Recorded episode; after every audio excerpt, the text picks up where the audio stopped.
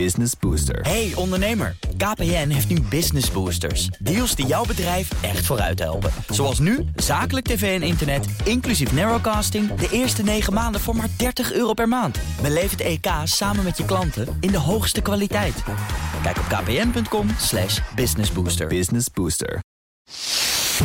Welkom bij deel 2 van de CryptoCast 246, het podcastgedeelte. In het eerste deel hebben we het gehad over het laatste crypto-nieuws. En dat is de vorige aflevering, A, 246a. Nu gaan we in 246b praten over het drama rond FTX. Toch ook weer, want alles gaat daarover op dit moment met Bert Slachter en Peter Slachter. En luisteraars mogen zelf uitmaken wie hier de co-host is en wie hier de gast.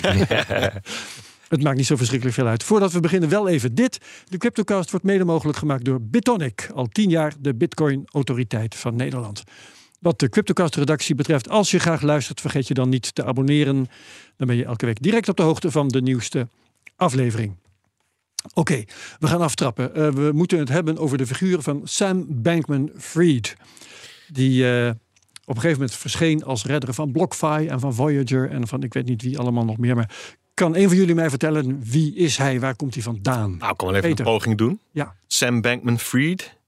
In het noorden van het land ook wel Sam Bankman Patat. ja. ja. we moeten. Ik vind dat we alle ja, verbasteringen moeten langs laten komen. 246a noemde Bert hem daarnet nog Sam Bank Run. Ja, maar weet je, het is allemaal natuurlijk zo dramatisch. Je moet ook een beetje luchtig houden, hè, want is, anders zitten we allemaal te huilen hier. je wordt, wel, je wordt er wel een beetje weemoedig van, ja. Houdt de mensen overeind. Ja. dus um, ja, hij, hij heeft dus in 2017 Alameda Research opgericht. Er is het 19 FTX. En in de periode van de groei van FTX um, presenteerde hij zichzelf meer en meer als de Robin Hood van de sector. en, um, de weldoener. En, en daar werd ook best wel gretig gebruik van gemaakt, van dat imago in de media. Dus uh, al snel ontstond er een beeld van een whiskit, succesvol onder, uh, ondernemer, een weldoener. Een miljardair, hè? Hij, hij, hij, rijdt in een Toyota uh, Corolla. En hij slaapt op een zitzak, draagt korte broekjes, t-shirts en zo. En commune ook nog eens een keertje? Ja, ja, hoe dat precies zit, weet ik niet. Hmm. Maar hè, hij woonde naar verluid samen met nog zijn studiegenoten en zo. En, hij, en zijn mantra was: ik hou 1% van wat ik verdien, de rest geef ik weg. Ja. en dat werd toch als zoete koek geslikt. Werd een coverboy op allerlei grote magazines. En het heeft ook te maken met zijn achtergrond. Hij is, uh, hij is 30, 192, zoon van twee professoren in de rechtsgeleerdheid. Nou, dat geeft natuurlijk ook wel wat statuur. Ja. Um, en die, uh, zijn, zijn vader en moeder zijn utilitaristen. Um, wat betekent dat? Nou, dat betekent dat ze uh, het waarderen als je handelt ten bate van het grotere geheel. Dus, dus je wordt afgerekend op je daden. Het nut daarvan. Is, dat, is dat zoiets als het doel heiligt de middelen? Mm, nee, dat niet. dat niet. Ja, dat, dat zou in dit geval wel goed passen. uh, eh, MIT-student, twee studies afgerond. Hè, en, en voordat hij met Alameda Research begon, uh, werkte hij kort als directeur bij het Centrum voor Effectief Altruïsme. Zo. Ja, weet je. Hè, nou, als, als dat uh, degene is die, die, die zo'n bedrijf laat groeien. Dat, weet je, en hij gedraagt zich zo, hij, hij draagt dit uit. Nou, die zetten we op een voetstuk. En daar stond hij dus ook. Uh, maar daar viel hij dus met een klap af afgelopen week. Ja, met dat, dat, dat, dat, is duidelijk. Ja, um, oké, okay, maar hij begon dus met dat bedrijf Alameda Research. Wat is ja. dat voor een bedrijf? wat was het? Ja, dus um, uh, hij. Dus, dus hij heeft vrij kort heeft hij voor dat um, altruïsme instituut ge, gewerkt als directeur.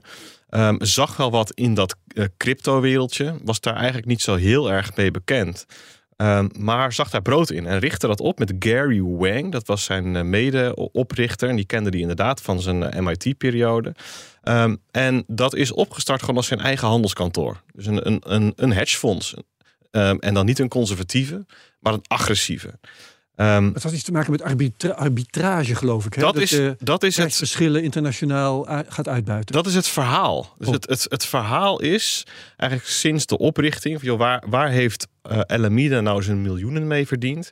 Uh, dat dat met arbitragehandel is gebeurd. En uh, dus eind 2017 lag de bitcoinprijs bijvoorbeeld in Korea en Tokio een stuk hoger dan de rest van de markt. Ja. Tot 30% in Korea. En dat prijsverschil zou zijn uitgebuit door Sam Bankman-Fried en consorten. Ja, hij heeft zelf in een, uh, in een interview met Raoul Paul een keer gezegd op, op Real Vision dat de reden is dat het Alameda Research heet, dat ze daardoor bankrekeningen konden krijgen bij banken in Japan. Als ze het Alameda Crypto hadden genoemd, kon het niet. Ja, ja, maar door het zo te noemen konden ze. En, en dat zou dan de reden zijn dat ze die arbitrage konden doen. Hè? Maar er is wel heel duidelijk een voor en een na de implosie. Als het gaat om verhalen rondom Sam Bankman-Fried.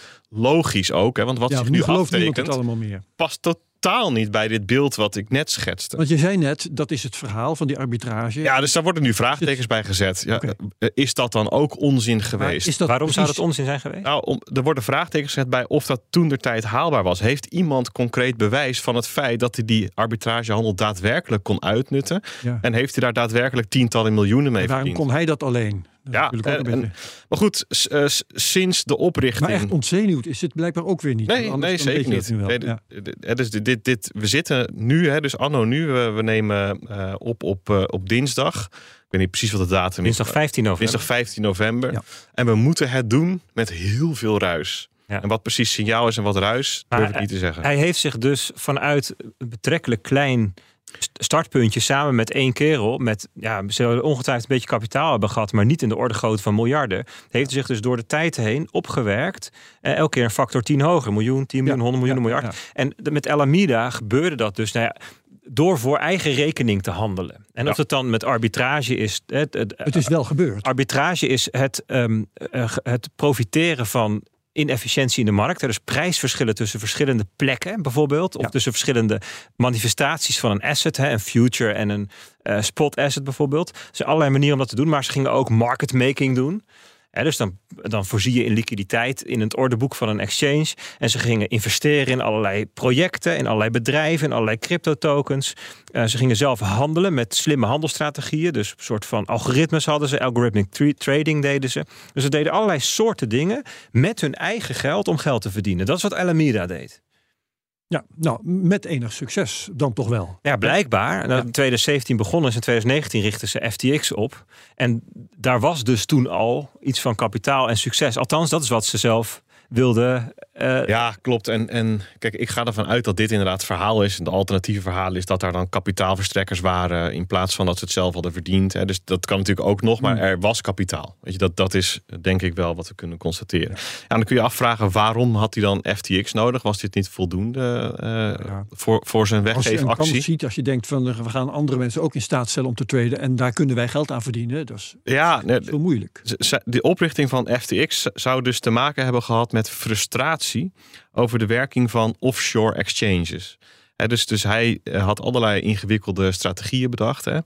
Ehm, en daarvoor eh, had hij allerlei infrastructuur nodig. En daar was hij ontevreden over. Eh, hij, hij, hij zou hebben gezegd dat er is een gebrek aan vangnetten voor klanten. Dat vind ik dan wel weer ironisch. Slechte, slechte infrastructuur, bugs, crashes, slecht management. hmm. Ehm, en hij wilde met, met FTX wilde hij dat gaan verbeteren. Allemaal beter doen. Ja. En ja, wat ik daarover lees, is dat hij daar ook daadwerkelijk wel succesvol in is geweest. Dus hij heeft een product gebouwd dat snel aantrekkelijk werd voor grote handelaars. Er waren veel vers- verschillende munten, er kwam snel liquiditeit, het platform was ook daadwerkelijk snel. Er waren allerlei complexe derivaten beschikbaar die voor ehm, die grote handelaars handig waren om te gebruiken. Ehm, moet je bijvoorbeeld denken aan tokens met ingebouwde hefbomen. Eh, je kon er al vrij snel ook met, voor andere dingen terecht. Je kon gokken op verkiezingsuitslagen, aandelenkoersen. eh, handelen met hele hoge hefbomen. Ook met cash als onderpand. Dat was eigenlijk nog ja, niet zoveel gebruikt toen de tijd. Ja, dus, dus het, het, hij, hij heeft op, op, op allerlei verschillende manieren heeft hij toch de aandacht weten te trekken. En, en eh, heel veel gebruikers, grote Ja. gebruikers naar zijn platform Toch toe weten te halen. gehad. Ja, met wat mij betreft gewoon een, een, een groot casino, zou je wel kunnen zeggen. Ehm, maar goed, een jaar na lancering werd, zijn, eh, werd FTX al op een miljard, eh, eh, meer dan een miljard dollar gewaardeerd. Dus dat, eh, ja. Ja, ja, en uiteindelijk zelfs op vele miljarden. Ja. Ehm, Maar ja, op zichzelf een casino draaien, dat kan op zichzelf een zuiver businessmodel Ja, zijn. ja. Hè, dus dus dat, je, dat, je, dat, dat je beoordeelt van oké, hij heeft allerlei risicovolle producten. Daar kun je op zichzelf wat van vinden, maar dat hoeft nog niet aanleiding te zijn Klopt. ehm, het, eh, om, om uiteindelijk te- met een gat van 8 miljard in de balans te eindigen. Nee, dus dat, dat is even nu goed om te noemen, komen we straks denk ik Ja. terug. Want over die beginperiode, dat is wel interessant. Eh, een van de partijen die eh, geïnteresseerd was en is gaan investeren in FTX, dat was Binance. Ja, Ehm, dus op zichzelf heel interessant, want waarom gaat een exchange investeren in een andere exchange? Je gaat in feite een concurrent in het zadel helpen. Ja, nou kijk, Alameda Research zelf heeft 185 investeringen gedaan in vijf jaar tijd. Gewoon even ter illustratie. En samen met FTX hebben ze meer dan 500 investeringen gedaan. Ik denk als je het lijstje van investeringen van Binance ernaast gaat leggen, dat dat nog veel langer is dan die 500. Zij hebben kennelijk de middelen om, hè, en de positie om vroeg in allerlei initiatieven te starten en dat stappen. En dat is natuurlijk onwijs lucratief. Dus dit is gewoon een vroege optie nemen op de mogelijkheid dat een concurrent, want dat is het, succesvol wordt en daar de vruchten van We plukken. kunnen beter zelf daarvan profiteren dan dat het ander Nou ja, het ja. doet. Het is ook, ehm, natuurlijk is dat voor eigen gewin. Hè? Want stel dat je in een project zit wat heel groot wordt en je hebt heel vroeg daar tokens van weten te bemachtigen. Even, even, even als idee nog. Ehm, weet je nog dat Luna crashte? En dat toen Binance ook naar buiten kwam met... Oh ja, we hadden trouwens ook nog voor... weet ik voor hoeveel miljard aan Luna tokens. Nou ja, ach, weet je wel. bizar. Dat was, maar dat, dat hebben ze, toen hebben ze dus ook blijkbaar een hele vroege fase. En wat vaak Ja. gebeurt als zo'n nieuw project ehm, nou, gebeurde, moet ik zeggen. Ik denk dat, dat, dat, dat, momentum een beetje weg is. Maar wat vaak gebeurt, dus als, zo'n, als een nieuw project wilde starten, dan zochten ze naar investeerders die naast geld ook iets anders konden brengen. En dat kan zijn bijvoorbeeld ehm, kennis over hoe je je tokenomics goed regelt. Of de in liquiditeit konden voorzien. Of de marketing konden doen. Of een community konden bouwen. Of ervoor konden zorgen dat jouw munt gelist werd op een exchange. Ook heel belangrijk. En misschien een stukje marketmaking kon doen. Kijk, en dan is het natuurlijk heel. Dan is het voor Binance, die, die was natuurlijk overal welkom. Elk project zegt: Oh nee, Binance mag ook wel een paar tokens van mij kopen. Want dan zorgt Binance ervoor dat ik daadwerkelijk meteen op een gro- de grootste exchange kom. Dus dat is natuurlijk een, een reden dat het voor zulke partijen heel makkelijk is om in allerlei ja, hele vroege deals mee te doen. Waar wij als gewone eh, brave burgers nog niet, nog niet in zicht zijn. Wij mogen pas met de public sale meegaan. Ja, ja. Ik wil dan even, nu we het over Binance hebben, eh eventjes een stapje verderop zetten. Want Binance heeft op een gegeven moment ook zijn investering weer teruggehaald. eh, met de nodige winst. Zijn betaald in eh, hun eigen stablecoin. voor ongeveer de helft, schat ik. En voor de andere helft in dat rare ding Ja. van FTX, die FTT-token. Ja. En Ja, dus dit is we- blijkbaar een deal in aandelen. Hè? Want die aandelen hebben ze dan verkocht voor BUSD en FTT. Juist, ja, die ja, aandelen ja. die ze hadden, die hebben ze verkocht. Dus die waren ze kwijt. Eh, en ze hadden daar dus, nou ja, coins in elk geval voor in de plaats. Ehm, nu we weten hoe het is afgelopen, namelijk eh, eh, uiteindelijk heeft CZ, de baas van Binance, heeft FTX het laatste zetje gegeven door al die FTT-tokens in de aanbieding te, te gooien. Zou de goede man gedacht hebben bij het verkopen van zijn investering op dat moment, kom maar hier met die geweldige voorraad FTT-tokens, want die kan ik altijd als wapen inzetten. Want wat had hij er anders in godsnaam mee kunnen doen? Nee, ik denk het niet. Nee? Ik denk niet dat, dat het toen al voorbedachte raden was geweest. Hmm. Je kunt wel eh, uitgebreid speculeren over eh, wat er de afgelopen twee weken is gebeurd en de rol die CZ inneemt. Eh, ook Ja. allemaal lastig hard te maken. Hè? Maar hè, het is strategisch, kun je best zeggen van nou, het is slim geweest om in de week dat FTX ten onder ging om wat te roepen over, over het vertrouwen dat je hebt in die partij. Ja. Dat, dat is nog eventjes een extra harde duw eh, het diepe in. Nou, maar ook gewoon het dreigen met het verkopen van die tokens. Dat Klopt. zorgde In het ervoor- publiek, hè? Ja. Zonder dat hij dat hoeft te doen, eh, dat, dat de koers ervan naar beneden. Met, met als nadeel dat hij ook nu een groot deel van zijn FTT-tokens niet heeft kunnen verkopen. Dus daar zitten ze nog ja, op. maar dat kon hij toch niet. Precies, dus dat, en dat wist hij ook wel waarschijnlijk. Ja. eh, Want hij heeft natuurlijk in de boeken gekeken. Eh, maar ehm, ja, nee, ik denk niet dat die, eh, dat die investering in, eh, in 2019, dat toen al gedacht werd van joh, laten we dit maar even als geschut achter de hand. nee, oké.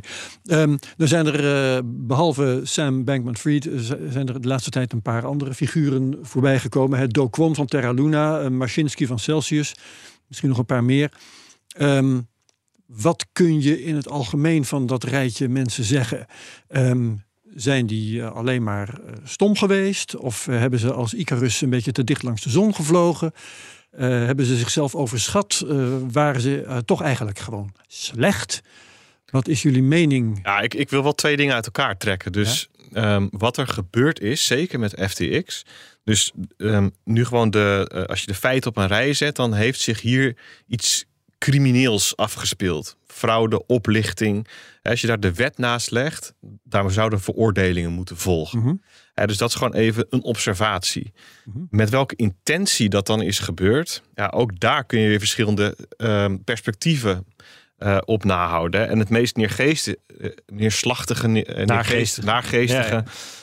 Is natuurlijk dat alles met voorbedachte raden is gebeurd. Hè? Dus, dus dat, het, dat het één groot. Nou ja, juist niet, denk ik. Nou, want als, hè, niemand gaat zijn eigen ondergang plannen. Nou. nou ja, dat hangt er vanaf waar, waar die nu is en wat voor hulp die heeft gehad en wat voor afspraken er aan ten grondslag liggen. En I don't know. Ja, kan allemaal. Hè? Dus, dus er gaan allerlei complotscenario's ook rond.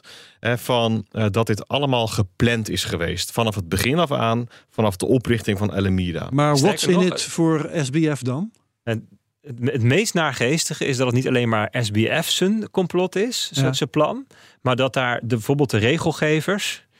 En uh, andere gevestigde partijen, politici, um, deelgenoot van zijn. Omdat die namelijk het belang hadden bij crypto in zo'n um, positie brengen dat het, dat het op spectaculaire manier faalt. En okay. dat voor iedereen duidelijk wordt dat, het, dat, en dat ze eigenlijk een hele makkelijke stap kunnen maken naar alle crypto is zwendel. Ik citeer maar even een, eh, een, een Nederlands bekende econoom. En maar, maar dat is wel. Namelijk, Bouwman is, ja, uh, ja, maar ja, je kan heel makkelijk vervolgens een stapje maken. Alle crypto is zwendel. En vervolgens kun je heel makkelijk alle soorten regelgeving of, of whatever uh, uh, voor elkaar krijgen. Dus, maar goed, dat is natuurlijk misschien, je kunt zeggen dat is heel ver gezocht. Maar ja, het punt is, we weten niet precies hoe het zit. En als je dan nee. toch gaat speculeren, ja, dan is dit ook een invalshoek. Die zegt, ja, dit hele verhaal ja. is op deze manier. Behalve dat je het je van iedereen kunt voorstellen behalve in dit geval van Sam Bankman-Fried. Nou, hangt vanaf. Aanzien in bepaalde kringen. En, in bepaalde kringen, ja. Maar ook ja. gewoon geld.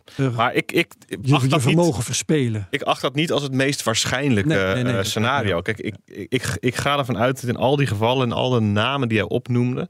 Uh, dat het allemaal mensen zijn geweest die, die vast hebben gezeten in een soort van zelfgemaakte gevangenis van allemaal dubieuze financiële constructies.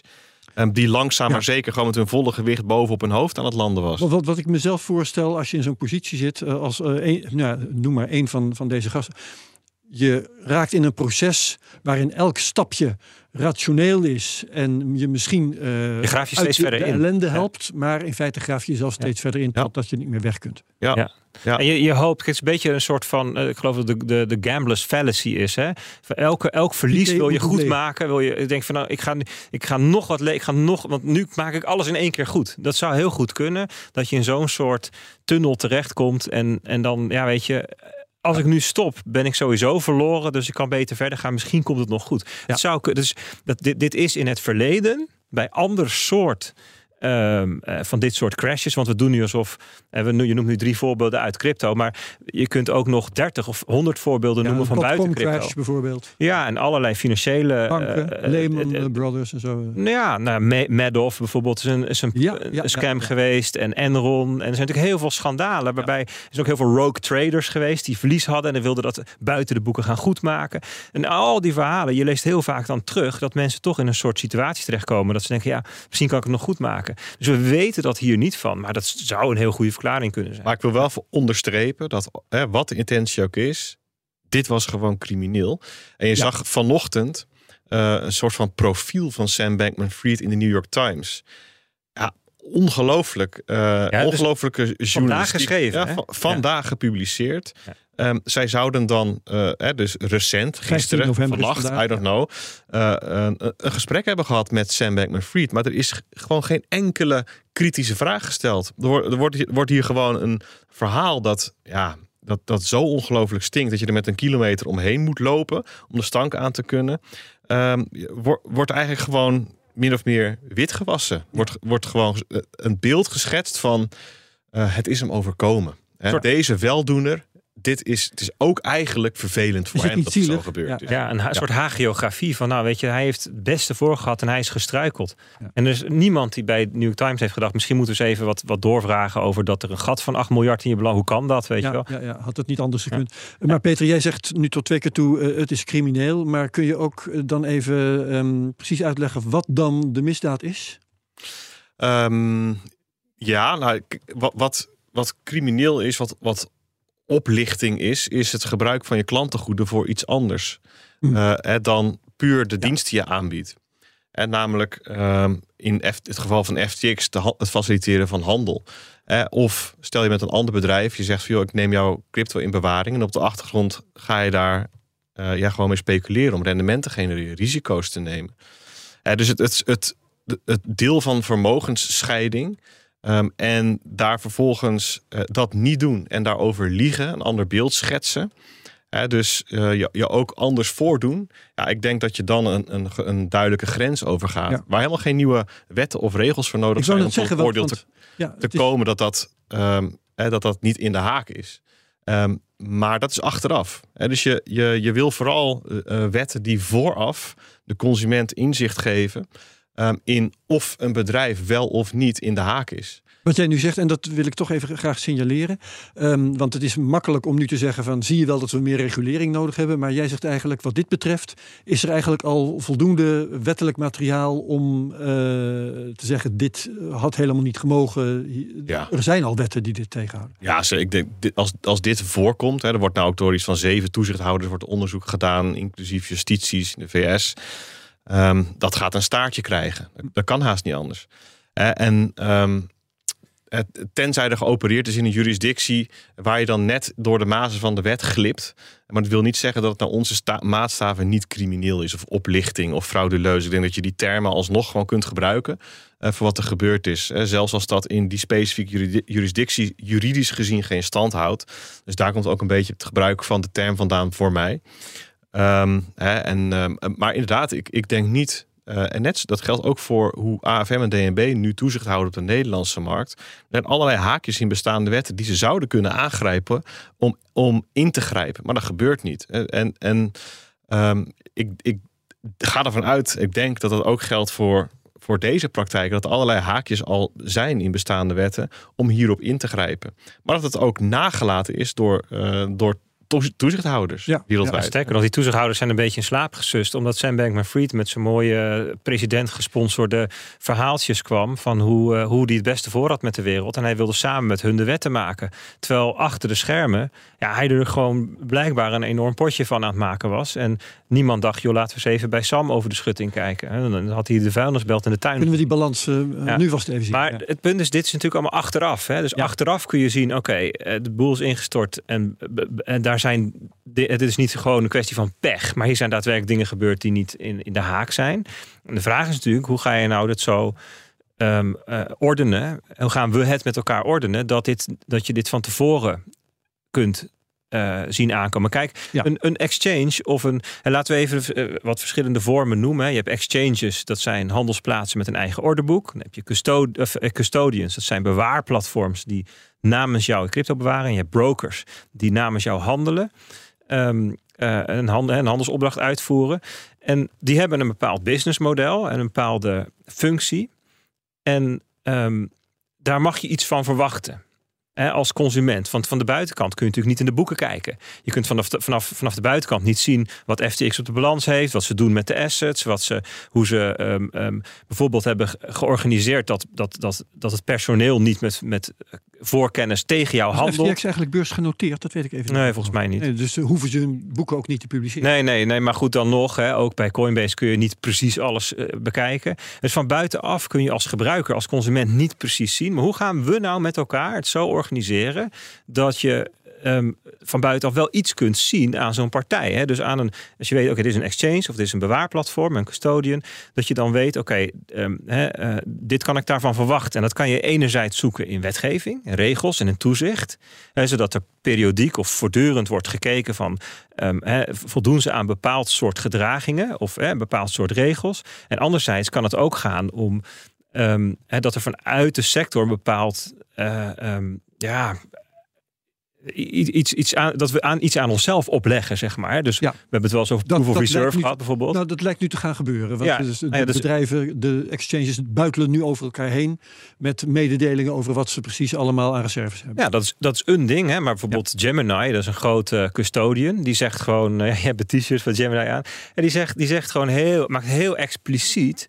eh, wij houden, wij zijn full reserve. En wij houden alle assets van de klanten één op één aan. Oké, dus iemand die zo'n uitspraak doet en dan, en dan ook nog proof of reserve doet, of misschien nog wel verder gaat dan proof of reserve, want dat, daar kun je ook nog wel wat vraagtekens bij zetten, dan, dan krijg je, en, en, en die ook. Um, nou ja, misschien vermogensscheiding expliciet maakt en zo'n aantal van dat soort dingen doet, dat je kan zeggen van nou, en dat, dan zou er nog een stukje toezicht kunnen zijn. Uh, nou ja, Mika komt natuurlijk aan in Europa. En dan zou je met elkaar, uh, sector en, en toezicht, zou daar een, een, een, ja. Een, een, eigenlijk een volgende generatie kunnen ontstaan. Wat dan wel een interessante vraag is, Um, omdat je zegt, nou ja, laat, laat uh, bedrijven maar aantonen wat ze in huis hebben.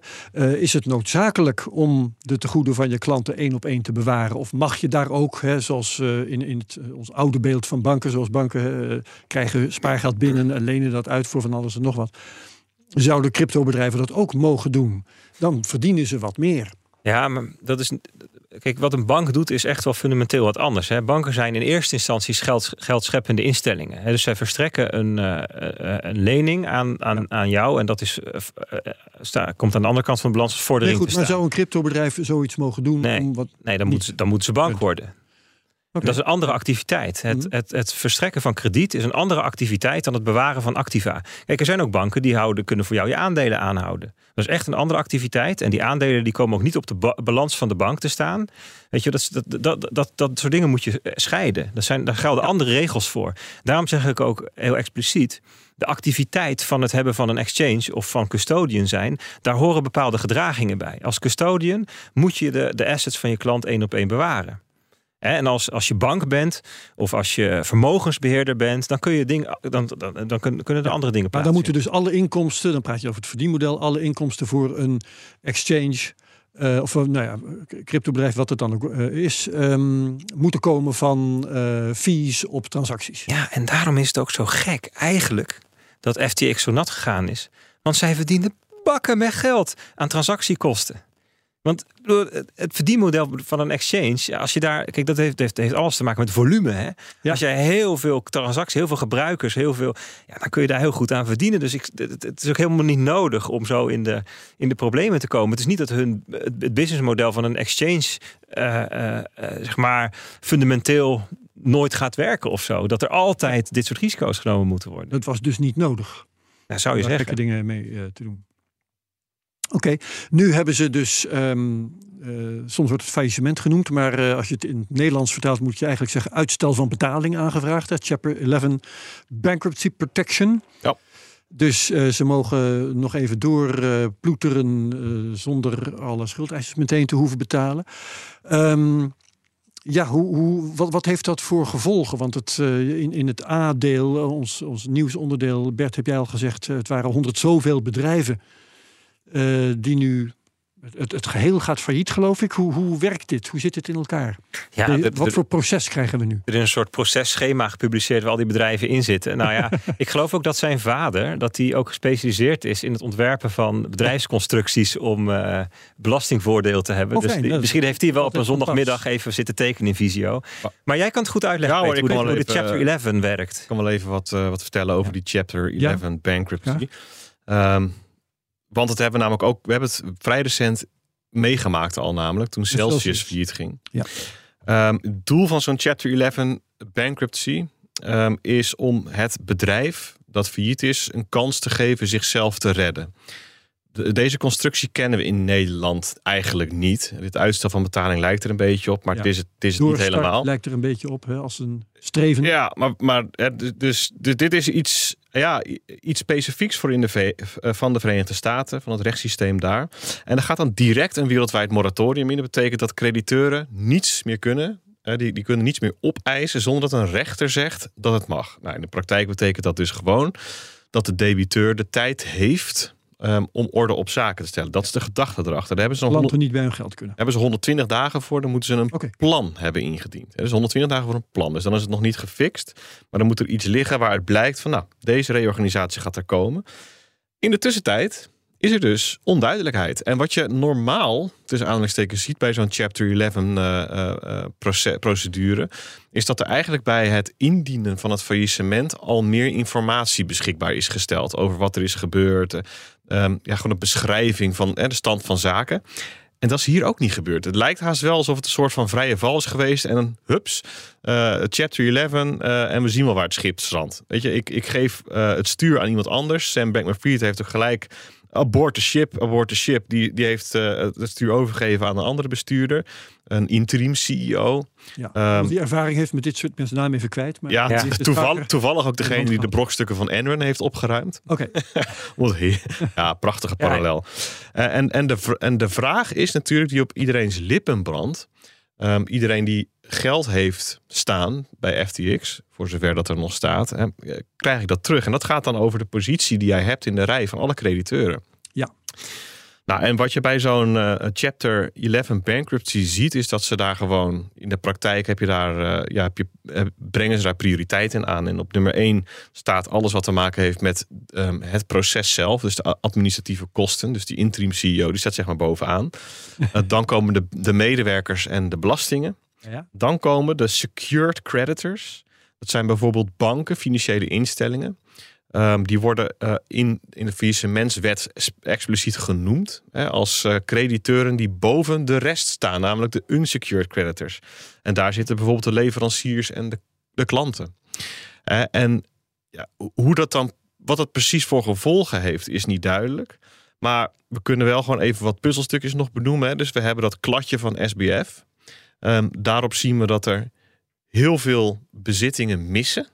Hè? En dan hebben we het nog niet eens gehad over um, de 8 miljard dollar die met de kanttekening in, op dat kladje staat met van ja, uh, waar die is gebleven, weet ik eigenlijk niet. Ja, ja, ja. Die, die, die was verborgen. Heet dat, Die is, ik ga het even men, men gokt dat die is uitgeleend aan uh, Alameda. Hè? Ja, hè, maar, uh, dat zou dan te maken hebben met een of ander boekhoudkundig trucje, een backdoor die hij in, de, in de boekhouding had. Um, en we zien wat er wel is, eh, wat er wel op het kladje staat. Dat zijn allemaal heel... Hidden poorly internally labeled accounts. Precies. Ongelooflijk, zo staat het in de administratie. 8 miljard dollar. hè, om even, hè. Um, en, en dus dat, dat is het tweede component. Het derde is dat wat er dan wel op het kladje staat, dat zijn allemaal hele illiquide. Zelfs wat er staat op poorly li liquid, of, of hè, hij, heeft, hij heeft drie categorieën alles na liquid is gewoon volledig volstrekt illiquid en veel minder waard dan wat er op dat kladje staat. Ja. Met dat, liquid, met, less liquid. Precies, less liquid is ook gewoon illiquide rommel. En nog iets veel ergers. Ja. En dus de, de, de vraag, wat blijft er over onderaan de streep om te verdelen in de categorie 4 unsecured creditors? Ja, als je het mij vraagt, in ieder geval niet je volledige tegoed. Nee, nee, nee. nee. Nee, er wordt wel gezegd 5 cent van de dollar, hè, dat je dat nog kunt verwachten. Ja. Maar goed, dat zijn natuurlijk, uh, dat, dat, dat, moet, dat, dat moet duidelijk worden. Alleen dat gaat een hele klus worden. En dus als je dit helemaal moet ont, ontrafelen. Ja, Kijk, en, een, en een risico wat er nog is, en dat hebben we bij Celsius ook gezien, is dat in het proces gegevens over die crediteuren, dus de klant, op straat komen te liggen. Ja. Hè, dus dat, dat is ook nog zoiets uh, Maar bij. Celsius was dat omdat je als klant uh, was je inderdaad uh, crediteur, hè, lener.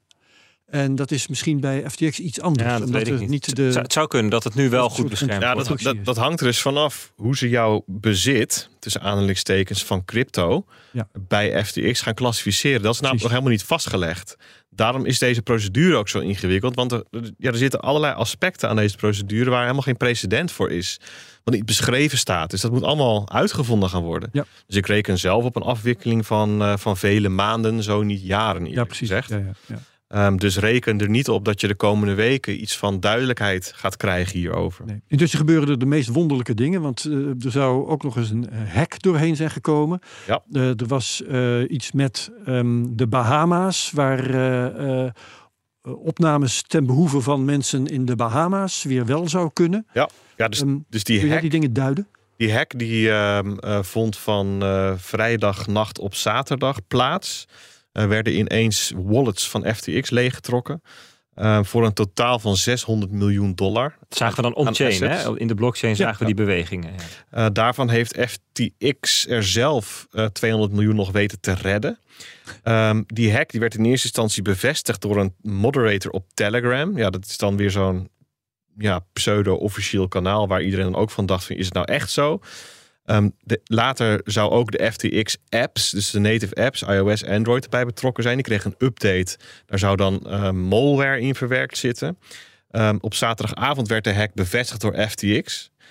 En daar is het ook bij gebleven. En dus wat daar nou precies gebeurd is, wat de stand van zaken is. Een officieel bericht is daar niet over. Anders dan van het klopt uh, dat er uh, ongeautoriseerde toegang is geweest tot onze wallets. Punt. Is, is er een vermoeden over of dat een indoor job, of een interne job is geweest? Ja, er zijn allerlei vermoedens en speculaties. Maar ja, ja het, inside job. Ja, dat kan een, ja, ja. een, een, inside job zijn geweest. Of daadwerkelijk uh, konden. Ja, het meest voor de hand liggend is natuurlijk een inside job. Iemand die toegang had tot die wallet. Ja. Um, het zou wel heel toevallig zijn dat er net een soort van zero day of kwetsbaarheid gevonden werd op het moment dat FTX toch al ten onder ging. Ja. Um, ja, dus, dus dat wat betreft die hack. En daar is eigenlijk weinig over bekend. En, en um, ja, je noemde ook iets over een constructie. Ja, de Bahamas. Uh, ja, ten klopt. behoeve van rekeninghouders op de Bahamas zouden wel opnames mogelijk zijn. Ja, ze, dan... klopt. Ze melden op Twitter van joh, um, alle geldopnames zijn gestopt. Behalve voor de Bahamas, ja. want de toezichthouder heeft ons daartoe opdracht Die gegeven. dat onmiddellijk ontkende? Niet onmiddellijk. Dus er, zat, oh, er zat wat tijd tussen. Uh, dus die, die, die tweet van FTX kwam online. Um, dat, dat, dat mensen of partijen op de Bahama, gevestigd op de Bahama's, um, hun uh, assets, hun geld nog konden opnemen. Um, en toen is er een periode geweest. Deze bedrijven zijn gevestigd op de Bahama's, hè? even voor de duidelijkheid. Het is niet Klopt. Zomaar... Ja, en, en toen is er een periode geweest waar, waarin andere partijen via de verkoop van NFT's op FTX, en FTX uh, heeft ook een NFT-platform, um, via een Bahamees account geld konden wegsluiten dat geparkeerd stond op FTX International, dus de exchange. En dat deden ze door um, een FTX met een hele vermogen te kopen en vervolgens die NFT uh, te verkopen en, en de opbrengst daarvan, uh, dat kregen ze uitgekeerd. Dat was een soort sluiproute voor vermogen. Ja. Daar zijn ook tientallen miljoenen nog verdwenen naar, ja, wie, wie het weet mag het Naar zeggen. de Bahama's, zullen we maar even zeggen. En dat is gestopt en daarna heeft de toezichthouder gezegd, wij hebben helemaal geen opdracht gegeven hiertoe. Ja. Dus wat hier gebeurd is, misschien was het ook niet in de helemaal pluis. Dus nou, ja, okay, goed. Allemaal hele shady zaken in ja, ieder geval. Als de fiscale recherche ja. hier nog eens opduikt, dan uh, hebben ze genoeg te doen. Um, intussen, ja, de koers van die FTT-token is natuurlijk naar beneden gelazerd. Uh, de koers van de Serum-token, daar hebben we het in deze podcast volgens mij nog helemaal niet over gehad, maar wel daarnet in het nieuwsgedeelte, is omlaag geduikeld. Dat was ook nog een paar miljard op de balans van uh, FTX. De, even kijken, Solana is uh, geduid. Allemaal coins waarvan je kunt zeggen, die hebben hier iets mee te maken. Ja. Maar ook gewoon de bitcoin en de ether. Mm -hmm. um, is dat terecht? Of moet je zeggen, dat is alleen maar um, de markt die uh, zeven kleuren scheidt. en dat komt wel weer goed. Bert. Ja, dat is, ik denk, een combinatie van factoren. Mm. Ik denk dat er een gedeelte in zit van um, uh, paniek, hè, die op een gegeven moment ook alweer ratio wordt en zegt van oké, okay, je, ja, ik, voor mij is er eigenlijk niks veranderd. Hè? Of als het stof optrekt dat je ziet wat er nog staat, en dan blijkt het inderdaad alleen FTX te zijn geweest of niet. Ja. Dus dat, er, zijn, er is wel een groep um, die, die gewoon puur uit ik wacht het even af aan de zijlijn heeft gezegd ik, uh, ik stap uit crypto eventjes. Ja. Er is ook een groep, althans dit, die signalen die krijg je wel, die zegt nou ik ben er gewoon voorlopig even klaar mee. Um, ofwel vanuit een uh, uh, het, is me, het is me te risicovol, of vanuit moreel perspectief. Hè, of omdat ze het niet meer kunnen rechtvaardigen naar hun opdrachtgever op baas. Hè, in het geval van professionele investeerders. Hè, die misschien met één teen een stukje crypto hadden. Kijk, dat gaat ja. bij, dan natuurlijk om grote bedragen. Als je een grote vermogensbeheerder bent. Die zegt van ja, weet je, voorlopig kan ik dit gewoon niet meer uh, verdedigen. Zo'n zo move. Dus ik denk dat een combinatie is de verkopers van een, een korte termijn effect. Wat ook alweer omkeerbaar is. En ook wel een permanent effect. Van mensen zeggen van nou, je, de komende jaar, jaren. Laat mij, laten wij eerst maar eens even afwachten hoe de sector er over een paar jaar uitziet. Hè? Hoe de regulering uitpakt. Um, um, wat voor toezicht er komt. Of die partijen zich, zichzelf uh, zuiveren, zeg maar. En dan, en dan kijken we wel weer. Dus ik denk dat beide een rol spelen. Ik denk wel dat als je kijkt naar de, de, de prijsactie op korte termijn. Um, dat, dat met name de combinatie is van snelle uitstappers en ook wel liquidaties. En nou ja, goed, wat we natuurlijk vaker zien in paniekscenario's. He, dus um, ja. ik zou zeg maar het, het, het effect het lange termijn effect op de koersen. Zou je eigenlijk over een paar weken even over moeten terugkijken hoe dat dan eh, waar dat dan stabiliseert. Hè? Of dat het misschien juist zelfs weer terug omhoog gaat naar boven de 20. Of dat we verder naar beneden gaan. Die, die wegen zijn allemaal open. En dat hangt ook af van wat de, hoe de markt. Ja, dat is toch een soort van collectieve waarheidsvinding. Van wat vinden we nu hier eigenlijk van? Ja, ja en wat uh, komen er nog meer voor lijken uit de kast? Nou ja, precies. Of juist niet. Of juist niet. Ja. ja. Oké, um, intussen is uh, Binance uh, de, last man standing, zou je kunnen zeggen. Er zijn natuurlijk ja, veel kleinere partijen, maar uh, ik geloof dat de nummer twee is nu meer dan tien keer zo klein als Binance. Ik weet niet eens meer precies. Um, is dat problematisch voor de markt? Ja, dat vind ik wel een heel groot Beetje, verschil. Ja. Uit evenwicht is het, hè? Ja, kijk, als je partijen als Coinbase en Kraken, dat zijn gewoon wel hele grote uh, partijen op zichzelf, hè, met, hele, hele, uh, met, met, met, voldoende schaal om um, een groot, grote organisatie te rechtvaardigen. En zo'n grote schaal dat je zoveel mensen kunt aannemen, dat je eigen techniek kunt doen, dat je, goed, uh, dat je goede controls kunt inbouwen, dat je kunt blijven innoveren en dat je toch winstgevend bent. Dus op zichzelf, er zijn best een hele hoop cryptobedrijven die um, bestaansrecht hebben. Alleen het, de, dat, dat de nummer 1 zo groot is, ongeveer als de rest bij elkaar. En nu overdrijf ik het misschien, maar als de nummer 2 al 1 tiende is, zoals je zegt, dan gaat dat niet heel veel schelen waarschijnlijk. De nummer 2 was 1 tiende, dat was FTX. Oké, okay, ja, moet je, moet je nagaan. Maar goed, het hangt ook ja. een beetje af wat voor um, meetlat je hanteert. Hè? Dus het gaat vaak, vaak wordt de meetlat volume gebruikt. Mm -hmm. um, maar als je kijkt naar bijvoorbeeld hoeveel, hoeveel um, activa ze dan um, op, op, in beheer hebben of aantal op klanten, hun vleugels, aantal klanten, dan ligt dat misschien wat minder ver uit elkaar. Dus ik zou, je zou dat even, uh, je kan het van verschillende manieren Ja. bekijken. Want FTX werd bijvoorbeeld wel eens gezegd is de nummer 2, een andere zijde is de nummer 4, en andere zijde is nummer, nummer 5. En dat was nog verschillende van die metrics. Dus, Maar maar uit evenwicht is de markt. Precies. Mag je wel zeggen, hè? principe is, het is veel fijner voor een markt als er wat meer balans is tussen de, in de top 10, zeg maar. Of de Ja, top wat 100. kan er misgaan? Maar ja, ik, ik, vind, ik vind die onevenwichtigheid nog niet eens het grootste probleem. Ik denk dat wat we nu hebben gezien met FTX, dat, dat spreekt boekdelen. Dus dat er, er zijn nu gewoon bedrijven, los van, van ehm, welke het is. Dus je hebt Binance, je hebt nog meer grote spelers. Daar gaan gewoon miljarden in om. Ja. En we hebben het net ook gehad even over wet en regelgeving. Nou, we hadden wel consensus over. Het is niet nodig om nu ehm, overhaast en, ge- en gepikeerd nog meer extra dikke eh, wetboeken te verzinnen om dit te gaan de voorkomen. ook, hè? Er zit van alles in de pijplijn dat dit adresseert. De sector is er zelf mee bezig.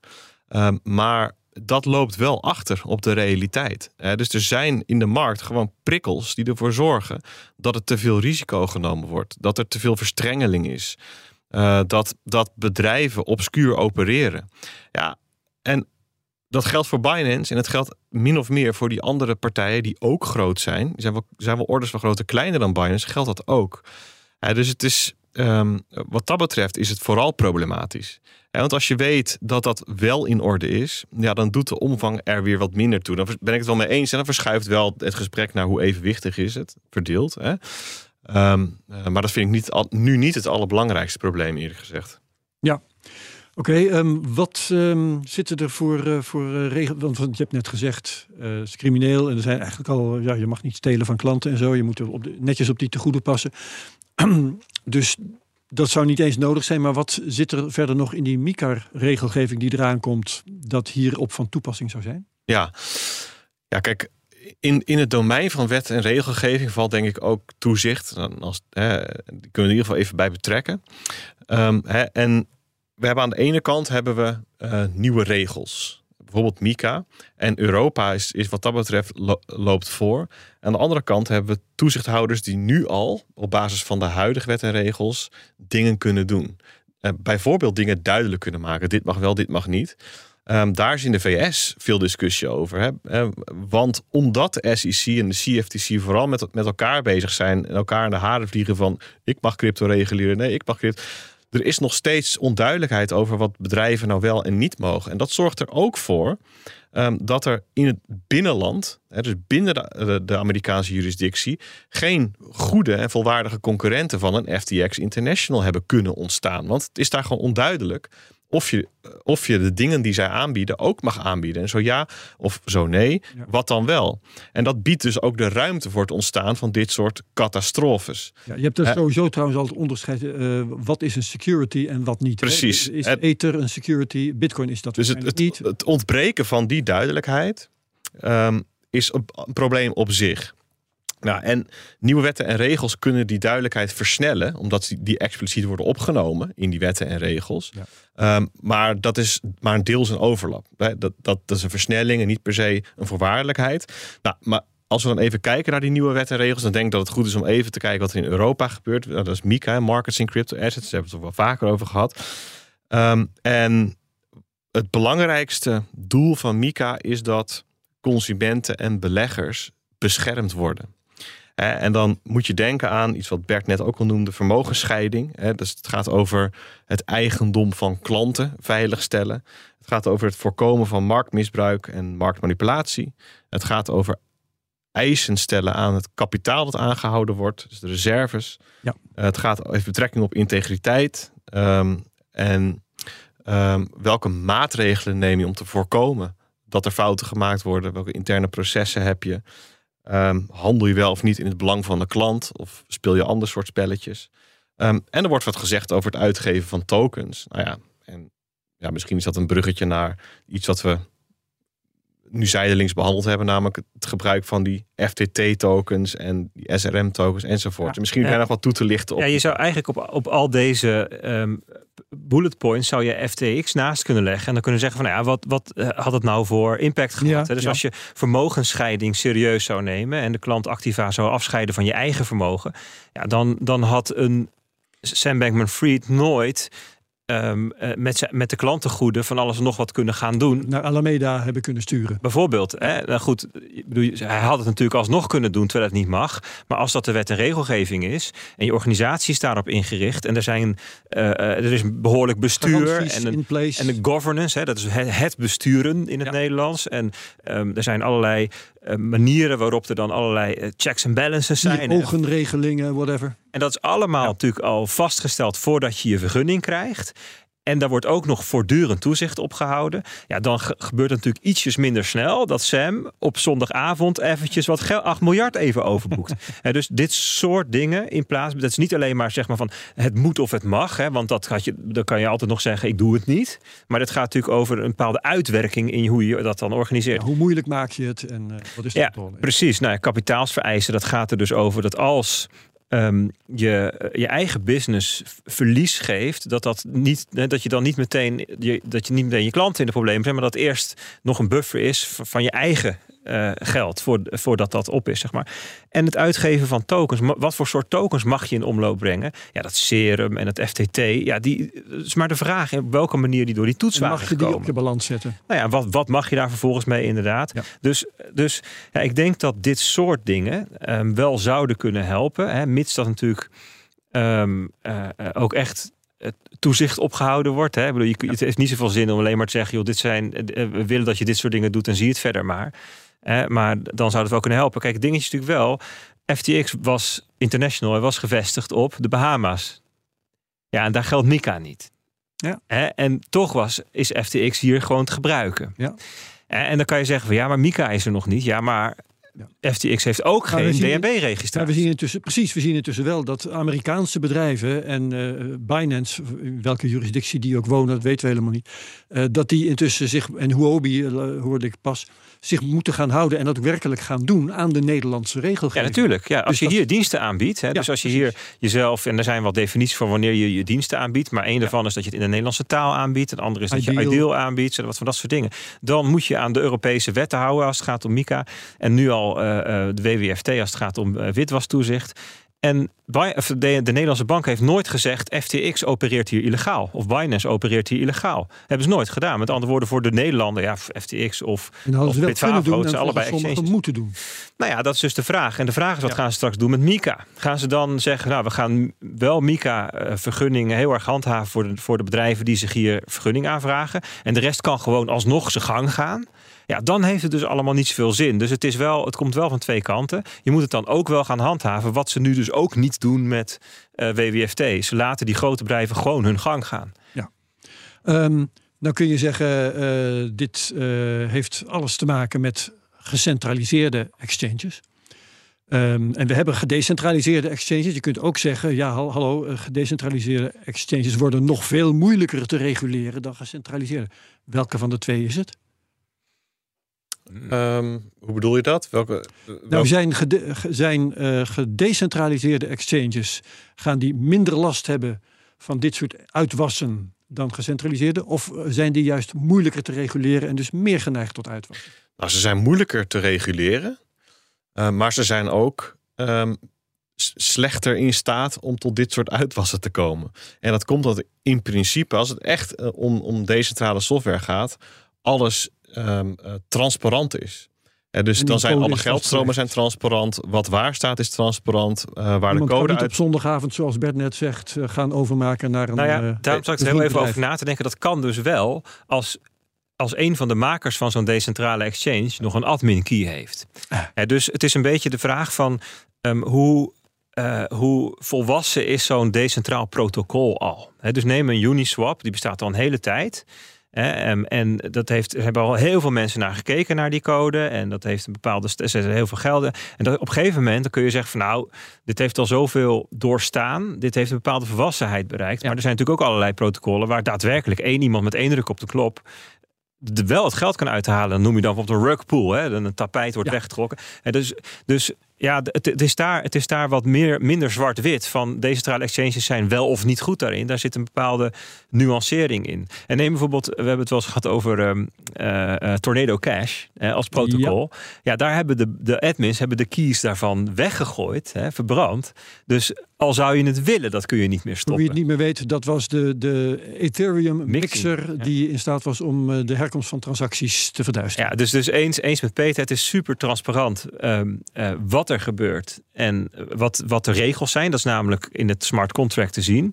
Maar wat governance betreft, hè, dus het bestuur, ja, daar, daar hangt het er dus van af. Ja, dus daar moet, moeten we eigenlijk nog door die natuurlijke selectie heen van eh, de goeden die boven komen drijven en de slechte die Nou ja, wat, ja, wat we natuurlijk wel gezien hebben in de afgelopen jaar is dat, dat het fenomeen van een rugpool bekend is geworden. En Ja. nu ga je dus niet meer zomaar je geld stoppen in iets waarvan je weet dat er nog gecentraliseerd, dat, dat, dat het bestuur nog niet in orde is. Dus daar zit, dat, dat, dat is iets wat veel meer moet ontstaan. Alleen het, het interessante is wel dat de kennis daarover, die wordt op een gegeven moment gevangen in de technologie. En dus daar gaat het mis.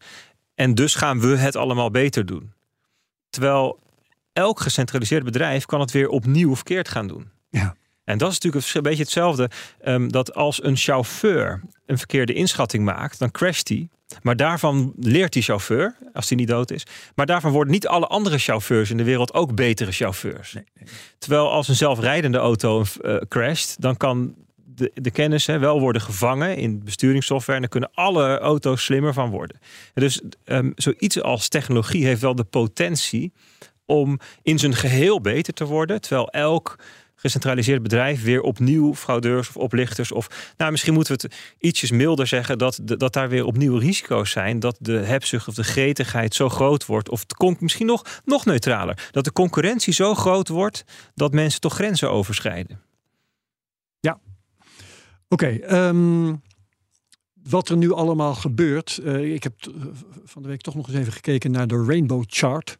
Dat is die prachtige, eh, steeds minder hard omhooggaande kromme... waar de eh bitcoin-koers dan binnen de kleurtjes van de regenboog blijft. Hè. Dat is op dit moment niet meer het geval. We zitten nu ver onder het niveau van de fire sale. Ja, volgens mij moet er een kleurtje worden toegevoegd. Er moet een kleurtje bij. Zwart. Ja. Zwart. Ja. ja. Kortom, ehm, is eh, met name het koersniveau van Bitcoin dan op dit moment, is dat nog normaal? Ehm,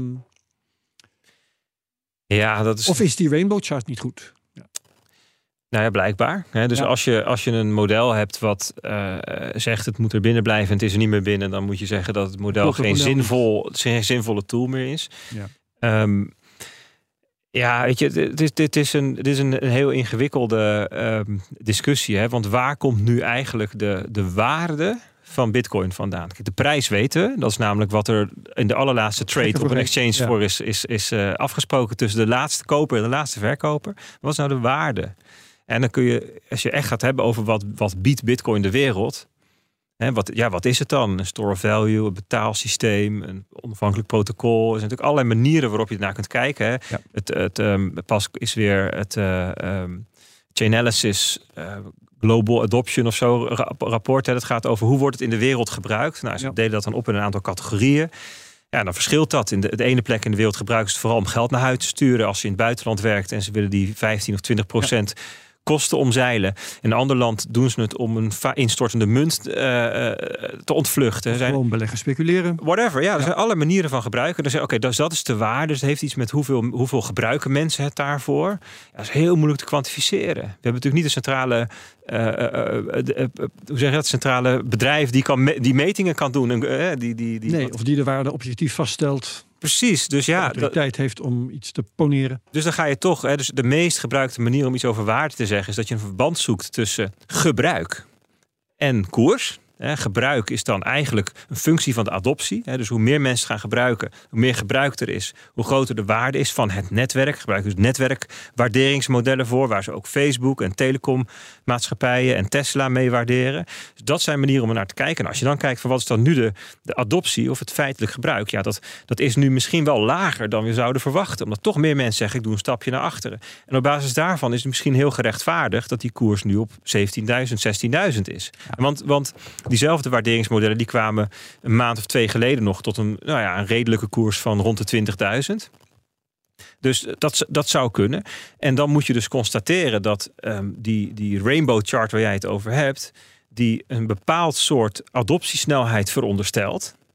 Ja, dat we daar nu, nu onder vallen. Ja, ja, ja, En dat je ze moet zeggen van we hebben dus, is afgenomen. Ja, we hebben dus een, nou, een vertraging. we hebben dus een, een langzamere adoptie dan ja, mensen ooit toen ze een keer die lijntjes op de kaart tekenden, uh, hadden voorzien. Of een langzame voortzetting van de groei die je toen zag. Ja, kan. En het kan ook best zijn dat als um, uh, de tijd een tijdje verder zijn en bijvoorbeeld toezicht en regels beter zijn, maar misschien ook de technologie beter is of de alternatieven slechter worden, dat je dan een hele grote versnelling van adoptie krijgt. Wie zal het zeggen? Ja. dus, dus dat is denk ik ja, toch van iets meer afstand hoe ik er naar zou kijken. En zou zeggen van ja, de proof of the pudding is toch wel in het in de eating, in het, in het feitelijk gebruik. En als dat, als we met z'n allen aan het uh, constateren zijn, joh, die bitcoin als een soort CDI, een soort Discman. Het was geinig, maar we stoppen ermee. Ja, dan gaat het alleen maar omlaag, die koers. Ja. En als we met z'n allen zeggen van nee, ja, maar goed, uit de as herrijst toch weer iets nuttigers. Ja, dan gaat uiteindelijk ook die koers natuurlijk omhoog. Ja. We gaan uh, het hierbij laten. Peter, nog een afrondende opmerking? Ja, ik, ik wil eigenlijk nog even uh, herhalen wat, waar we uh, het radiogedeelte ook mee afsloten. En ik, kan, ik kan me ontzettend goed voorstellen dat. We hebben de neiging, als we zo terugkijken en, en, en ja, vooral aan terugkijken zijn en soep proberen te maken van al die ingrediënten die tegen ons aangemikt worden. Want het kan best zijn dat we die studio uitlopen, dat de wereld weer veranderd is. Ja. En dat er gewoon veel mensen en consumenten en klanten en um, cryptobezitters zijn die, um, aan, die zich afvragen: wat, wat moet ik nu? En uh, misschien heb je het gedeelte niet gehoord, maar de, de tip om dat vermogen, geld, cryptogeld, je assets in Nederland te stallen, zolang uh, er nog zo ontzettend veel onduidelijkheid is wereldwijd, en het gaat dan over hoe toezichthouders de markt benaderen, welke wetten en regels er zijn, doe je er denk ik goed aan om jezelf gewoon eventjes in het Nederlands rechtsgebied, uh, om je daartoe te beperken. De bedrijven hier Um, die zijn er voor alle, uh, alle groottes van portemonnees. Voor iedereen wat wils. Geen zekerheid hè, dat er in Nederland nooit wat misgaat. Maar als dat dan gebeurt, zoals in de VS, ben je in ieder geval niet overgeleverd. Of in een ander land. Hè, aan, een, aan een juridictie, ja, een, een, rechtsgebied. Waar je, die je minder goed kan volgen. Waar je veel minder van af weet. Waar je misschien ja. minder sterk in je schoenen staat. Uh, dus, dus neem dat in ieder geval te harte. En uh, ga aan de slag met gewoon eens naar je eigen situatie kijken. wil je een deel van dat vermogen zelf opslaan? Wil je dat samen doen met een bedrijf? Heb je er hulp bij nodig? Snap je wat je doet? zolang je, je, je niet beschermd wordt door derde partijen, uh, ben je toch op jezelf aangeleverd? Uh, overgeleverd. En dat past ook wel een beetje bij Beer Own Bank. Dat betekent niet, ik stop wat centjes in een potje. Maar dat betekent ook dat je je eigen veiligheid en privacy en procedures serieus neemt. dus uh, die oproep wilde ik nog even doen. Oké, daar dank ik je voor. Peter Slachter. Ik dank ook Bert Slachter voor uh, de bijdrage aan deze podcast. Volgende week, oh, uh, allebei analisten trouwens bij de digitale nieuwsbrief Bitcoin Alpha met ph.nl. Volgende week dan spreek ik met Milan de Rede. Hij is voormalig crypto-expert bij DNB. Dat wil zeggen, hij is crypto-expert en hij zat ooit bij DNB. Ehm, en dat gaat dan over het recent gepubliceerde crypto-onderzoek van de Centrale Bank hier. Co-host is dan Bert Slachter, dus uh, Ja, die mag ik volgende week weer verwelkomen. Fijn zo. Vergeet deze CryptoCast niet te delen met je volgers op Twitter. Gebruik de mention CryptoCastNL. Ehm, laat reviews achter op Apple Podcasts. Dan kunnen ze ons daar beter vinden. Like, subscribe en comment op YouTube. Iedereen heel hartelijk dank. En tot volgende week bij de CryptoCast. Dag. Business Booster. Hey ondernemer, KPN heeft nu Business Boosters. Deals die jouw bedrijf echt vooruit helpen. Zoals nu, zakelijk tv en internet, inclusief narrowcasting... de eerste 9 maanden voor maar 30 euro per maand. Beleef het EK samen met je klanten in de hoogste kwaliteit. Kijk op kpn.com slash businessbooster. Business Booster.